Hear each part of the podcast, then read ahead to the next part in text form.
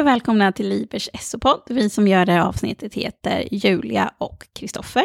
Dagens avsnitt handlar om judendomen. Eh, vad är judendom för någonting?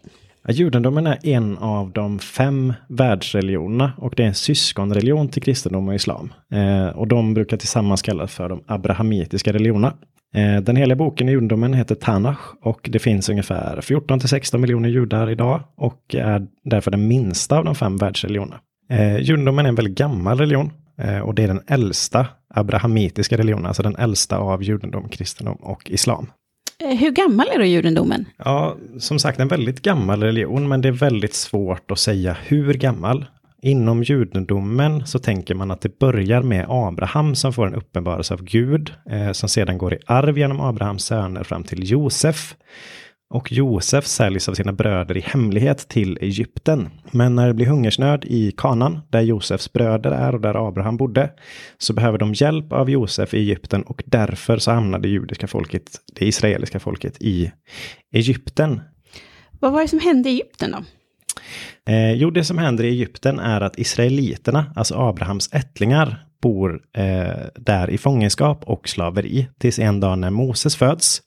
Eh, och han får en uppenbarelse av Gud att han ska fria israeliterna och ta dem till Kanan, alltså det landet där Abraham bodde för länge sedan.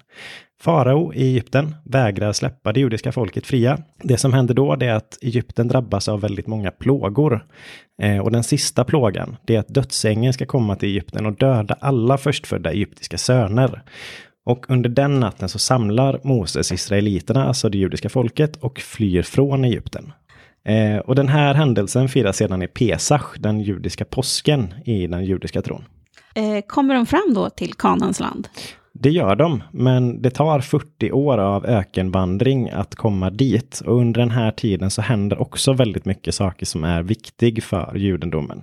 Eh, till exempel så får Moses ytterligare eh, uppenbarelse från Gud. Eh, och det är framförallt budorden som är en viktig del i både judendomen och senare också i kristendomen. Vad är det som står i de här budorden då? De här budorden är ju de mest centrala reglerna som finns inom judendomen. Till exempel att man inte ska ha några andra gudar vid sidan av Gud. Man ska respektera sin eh, far och mor. Eh, man ska inte döda, man ska inte ljuga, man ska inte stjäla och så vidare. Men sen efter det att Moses har fått de här budorden så dör han under den här ökenvandringen. Men resten av det judiska folket kommer sen fram till Kanans land och bildar där landet Israel. Och där i Israel lever det judiska folket tills landet splittras av romarna och romarna kallade landet för Palestina. Hur är det då att leva som jude idag?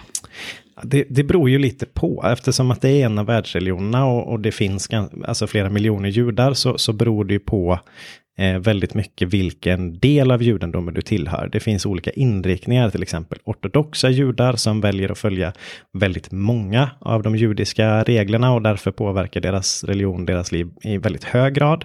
Det finns konservativa judar som följer de flesta av de judiska reglerna. Det finns liberala judar som väljer att följa några av dem. Eh, och så finns det sekulariserade judar som menar att man tillhör det judiska folket men inte är religiöst troende judar. Eh, och sådana saker som man då firar i vardagen är till exempel sabbat, alltså eh, en vila som man ska ha från eh, fredag kväll till lördag då man inte får utföra något arbete. Eh, man äter till exempel speciell mat som kallas kosher, alltså tillåten mat. Man får till exempel inte äta fläskkött eller skaldjur. Eh, man får heller inte blanda kött och mjölk i eh, matlagningen.